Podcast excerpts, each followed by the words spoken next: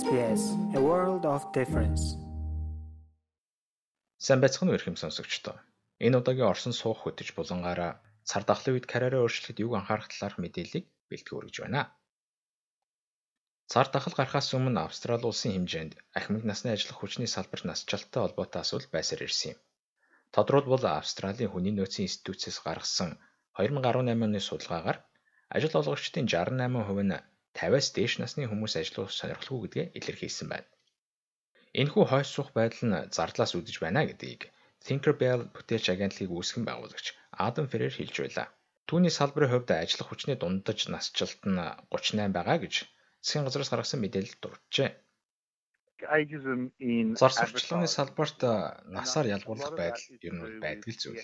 Үүний гол асуудал нь эдийн засгийн байдалтай шууд холбоотой гэж бодож байна. Учир нь туршлага ихтэй ахмад настай хүмүүсийн хөлс илүү өндөр байдаг. Гэвч зар сурталчилгааны салбарт ажиллаж байгаа хүмүүсийн хувьд туршлага гэдэг зүйл хангалттай үнэлэгдэх нь бага. Хүмүүс чимтгэн сонголтоо дагаад туршлага багтаа хүмүүсийг зордгоо.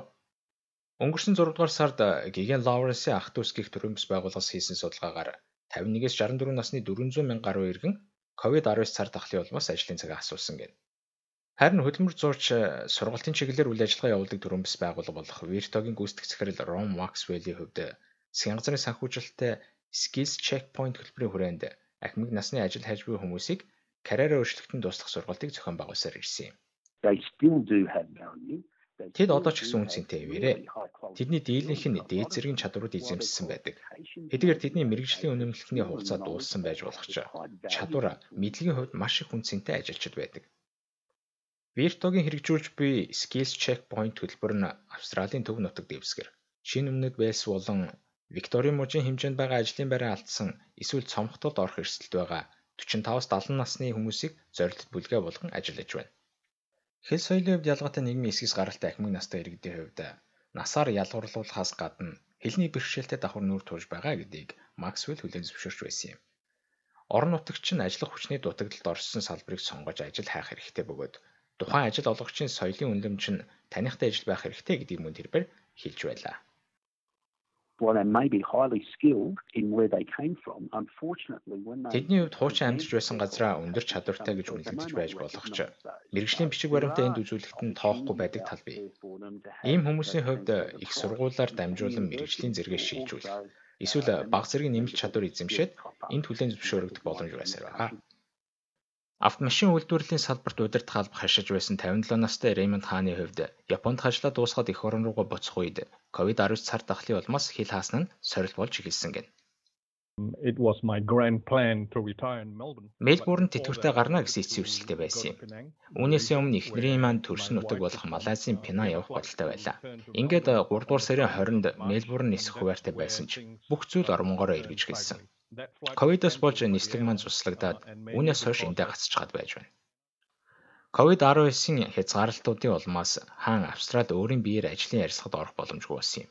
Энэ нь ч түүнийг хайрцагнасаа гарч сэтгэхэд түлхэж үзүүлсэн байна.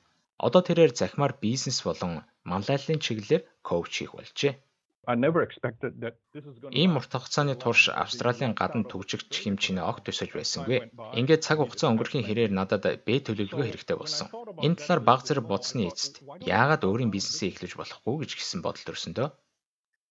Харин ажил хайж буй ахмад насны хүмүүсийн хувьд дараагийн карьераа эхлүүлэх боломжийг хайж байх зураа гэрээч ажилчин хэлбэрээр ажиллахыг Максвелл санал болгож байсан юм. 7 хоногтоо 2 3 өдөр байсан ч хамаагүй ямар нэгэн ажилтай байхдаа карьераа өөрчлөх нь илүү амар шийдэл болтгоо. Энэ нь таныг ажиллах чадвартай гэдгийг чинь илтгэхийн зэрэгцээ. Танд хүсэл тэмүүлэл байгаа гэдгийг гэрчлэх болно. Харин ноён хааны хувьд дэлхийн хэмжээний цар тахлын улмаас өөрчлөн хөвсөж буй бизнесийн орчин дасан зохицохын тулд шин чадвар эзэмшихийн тулд ууггүй эрэл хайгуул хийж бие даан суралцах хэрэгтэй болсон гэнэ. COVID-19-ийн улмаас дэлхий дахин хүрээлэн буй орчин өөрчлөгдөж байгаа энэ үед бид ч гэсэн өөрчлөгдөх хэрэгтэй. Бүх зүйл урдын адил болохыг хүлээж юу ч хийлгүй сууж болохгүй. Олон ч хүн амжиргаагаа алдаж байна. Ийм үед нэг л зүйлээ хийгээд байгаа хэрнээ өөр дүн гарна гэж хүлээх боломжгүй юм. Тиймээс бид нар илүү сайн сайхны төлөө өөрчлөгдөх хэрэгтэй.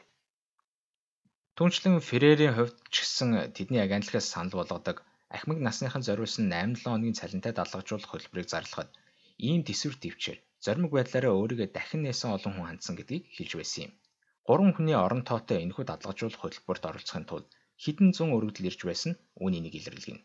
Харин үн тэнцэх ихний шалгуур нь тухайн ажил гориглогч болон агентлагийн аль альдаа өгөөчтэй байх явдал гэдгийг ч Феррер онцолсон юм. Бидний тухайн хүмүүсийн багц чадварууд болон өнгөрсөн хугацааны дуршлаг зэргийг харсан. Манай агентлагийн төрөл бүрийн үйл ажиллагаатай нийцэх боломжгүй хүмүүсийг олох хичээсэн юм. Ингээд хамгийн сүүлийн шатанд бидэнтэй гар нийлж ажиллаж чадах хэсгийг нь мэдхийн тулд нүүр тулсан ярилцлагуудыг хийсэн. Энэхүү дадлagжуулах хөтөлбөрийн хувьд COVID-19 цар тахлын улмаас энэ жилийн хүртэл түр хойшлоод байгаа юм. Феррери хувьд ч гэсэн шорон засан хүмүүжүүлэгч сэтгэл засалчаар ажиллаж байгаад 30 гаруй наснд зар сурчлагын салбарт орж ажиллах болжээ. Түүний хувьд энэхүү дуршлага дээр үндэслээд харвал ахмад насныханд зөв баримжаагаа л олж чадвал цар тахлын үеч гэсэн ажилд орох боломж байсаа байгааг юм. Ихэнх хүмүүсийн хувьд маш их баялаг туршлагатай байгаа. Шинэ салбартаа урдын ажлын туршлага хэрхэн ашиглах талаарх уялдаа холбоог олох бол тэдний эрг юм.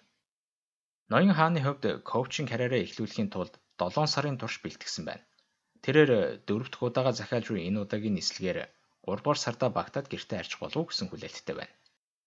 Амьдралын түүхээ үргэлжлүүлэн бэрцээр л байна. Амьдрахад үнэхээр сайхан цаг үе байна шүү дээ. Apple Podcast дээр манай нэвтрүүлэгт үнэлгээ өгнө үү? Энэ манай нэвтрүүлгийг хайж олоход бусдад бас туслах юм.